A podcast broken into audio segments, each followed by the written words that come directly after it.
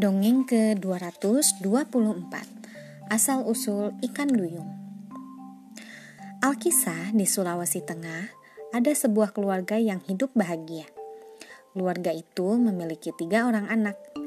Setiap pagi, mereka selalu sarapan bersama. Suatu pagi, keluarga itu sarapan dengan lauk ikan goreng.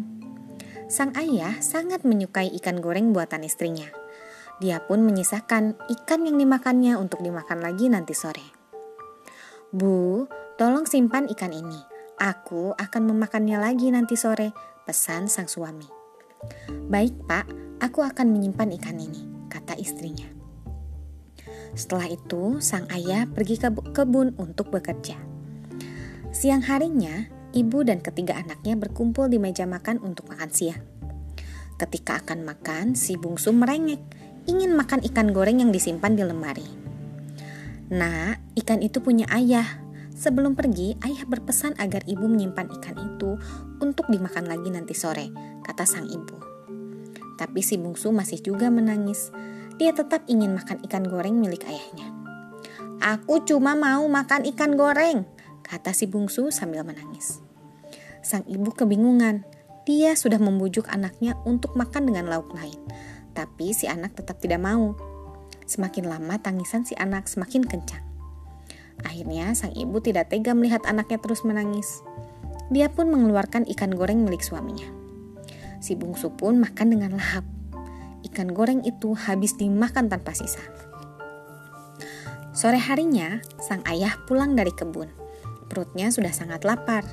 Dia pun teringat dengan ikan goreng tadi pagi. Bu, mana ikan goreng sisa sarapan tadi? Tolong keluarkan, aku ingin makan, kata sang ayah. Sang ibu segera menyiapkan nasi dan lauk pauk untuk suaminya. Tapi suaminya masih mencari ikan goreng itu. Mana ikan gorengnya, Bu? Tanya sang ayah. Maaf ya, tadi si bungsu merengek minta makan dengan ikan.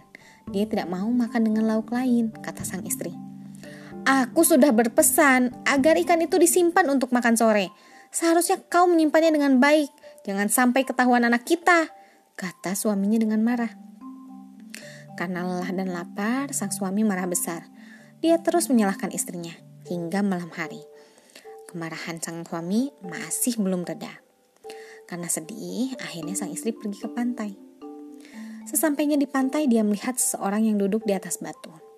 Batu itu ada di tengah laut. Ternyata dia adalah jin. Sang ibu menghilang bersama jin itu. Pagi harinya, ketiga anaknya mencari sang ibu. Mereka mencari ke sana kemari, tapi masih belum ketemu juga. Akhirnya mereka memutuskan untuk mencari sang ibu ke laut. Mungkin ibu sedang pergi pergi ke laut mencari ikan untuk ayah, pikir anaknya yang paling tua. Setibanya di laut, mereka berteriak memanggil sang ibu. Tak lama kemudian, sang ibu muncul dari dalam laut. Ayo bu, kita pulang, ajak anaknya. Sang ibu menggeleng. Ibu takut ayahmu masih marah, Nak. Sekarang pulanglah. Jika kalian ingin bertemu ibu, datanglah kemari, kata sang ibu. Ketiga anak itu lalu pulang.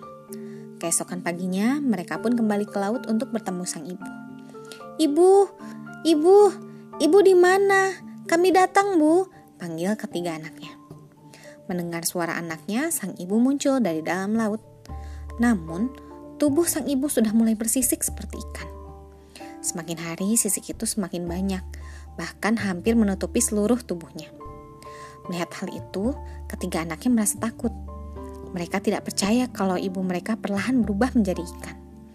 Kemarilah bungsu, ibu akan memelukmu, kata sang ibu.